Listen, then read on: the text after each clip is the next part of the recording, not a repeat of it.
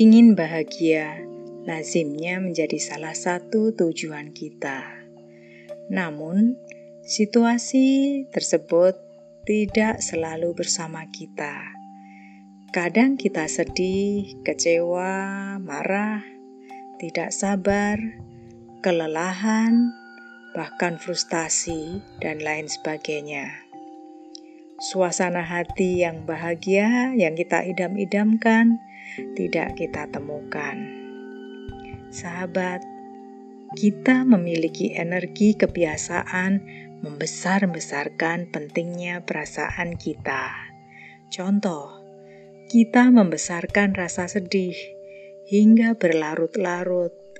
Ini membuat makin parah. Saat kita bahagia, kita pun was-was, dan ini menghancurkannya kita pun bisa tidak puas, tidak kerasan dengan rasa tenang. Kita merasa perlu bergerak selalu, mau ini, mau itu, merasa butuh rangsangan karena itu memberi rasa hidup. Sahabat, bahwa kadang kita susah, kadang hamba rasanya, kadang tenang, rasa-rasa itu hal biasa tidak ada yang istimewa. Sama seperti ombak di lautan, kadang tinggi, kadang rendah, landai, di lain waktu muncul ombak yang ganas. Begitulah sifat lautan, dan itu biasa.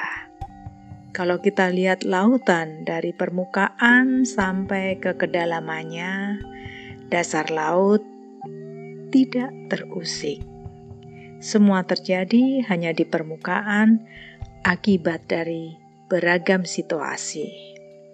Batin kita seperti halnya lautan. Di permukaan ada beragam gejolak, namun di kedalamannya tidak terusik oleh semua hal itu. Namun, itu bukan berarti kita tidak perlu meraih tataran batin yang tenang, seimbang, rileks. Keadaan yang tenang tetap lebih bagus ketimbang ada sejuta topan badai. Sahabat, kita bisa mengamati batin kita, melihat ke dalam, bereksperimenlah dengan tidak ada yang istimewa.